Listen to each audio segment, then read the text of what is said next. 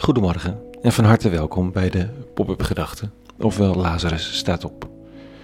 Ik ben Rico en ik lees de teksten van de dag in de ochtend en stel zo wat vragen aan mezelf, aan de wereld, aan de tekst.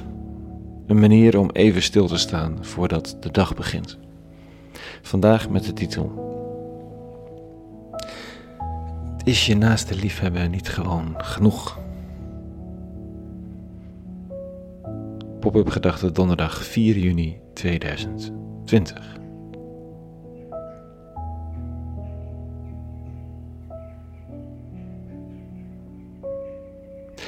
Daar komt het uiteindelijk toch gewoon op neer dat we lieve en goede mensen zijn met elkaar. Dat concept van God en de hemel is toch irrelevant.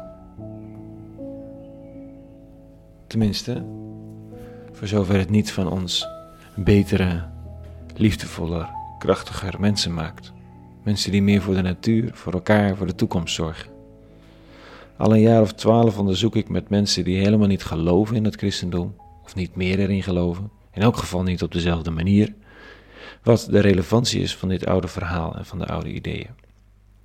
En relevantie is zo makkelijk te vinden in de opdracht van het liefhebben van je naaste. Maar die oude teksten zijn weer barstig hoor.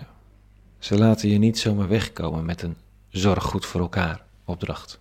Er is ook altijd die metafysische component, dat voor hen vanzelfsprekende idee van een God in de hemel.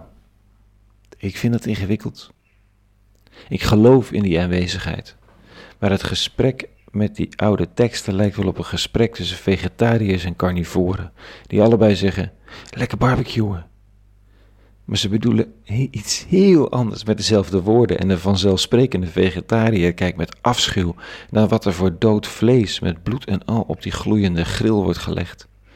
En de vanzelfsprekende carnivoor kijkt met dezelfde afschuw naar de groenteschijfjes, groentespiesjes en salade waar de vegetariër van gaat watertanden. Ik weet niet of er iets klopt van dit beeld. Maar de verschillende wereldbeelden en vanzelfsprekendheden tussen toen en nu en tussen mensen nu onderling zijn groot. Dus zoek ik altijd maar naar de overeenkomsten tussen de gedreven gelovigen van toen en de seculier maatschappelijk betrokkenen van nu. En dan gaat je naaste liefhebben als jezelf een uitstekende verbinding aan. Maar dat God liefhebben boven alles en dat als opdracht, wat moet je er in godsnaam mee? Dit staat vanochtend in de lezing over de verwevenheid en de rangorde van deze twee in de wereld van toen, volgens de rabbi van Nazareth. In die tijd trad een, trad een schriftgeleerde op Jezus toe en legde hem de vraag voor: Wat is het allereerste gebod? Jezus antwoordde: Het eerste is: Hoor Israël, de Heere is onze God, de enige. Gij zult de Heere uw God beminnen met heel uw hart, heel uw ziel, heel uw verstand, heel uw kracht en het tweede is dit: U zult uw naaste beminnen als uzelf. Er is geen ander gebod voornamer dan deze twee. Je naaste liefhebben is niet belangrijker dan God liefhebben. En God liefhebben is niet belangrijker dan je naaste liefhebben. Maar wat is dat dan, God liefhebben? Het is zo vervelend ongrijpbaar.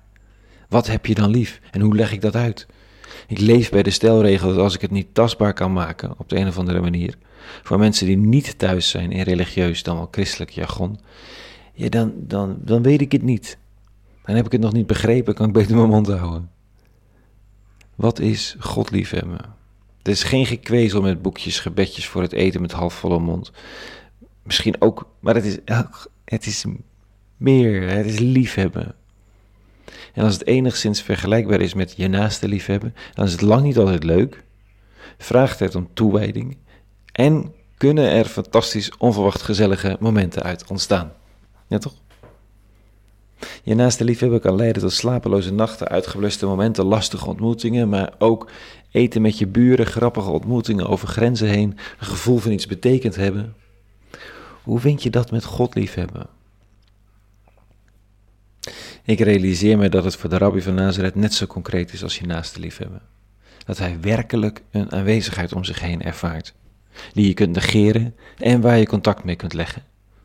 Zo ja, net als de buurman in je straat eigenlijk. Ook die kun je heel gemakkelijk negeren. In elk geval in mijn straat. Of contact leggen. En op straat is dat fysiek. Met God vraagt het meestal om niet meer dan stilte. De onzichtbaarheid is lastig. Maar stilte helpt. Schrijven helpt soms. En wat levert het dan op? Dit, dat het hele naaste liefhebben opeens in een bedding valt, in een verhaal, in een gedragen worden. Dat het niet op je tandvlees hoeft, dat je gezien bent, dat je leert te vertrouwen op gegeven wijsheid, ook als je geen idee meer hebt hoe het verder moet. Er is zoveel meer hierover te zeggen en ik weet nog niet hoe. Maar het komt vast in de komende weken. Voor nu een hele goede donderdag gewenst. En vrede en alle goeds.